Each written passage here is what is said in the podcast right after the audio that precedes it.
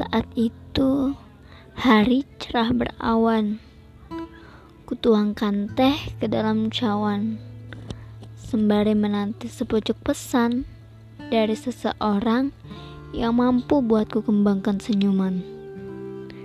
Awalnya aku tak pernah tahu bahwa padanya hatiku akan berlabuh. Meskipun logika tidak setuju, didukung takdir yang kian menjauh.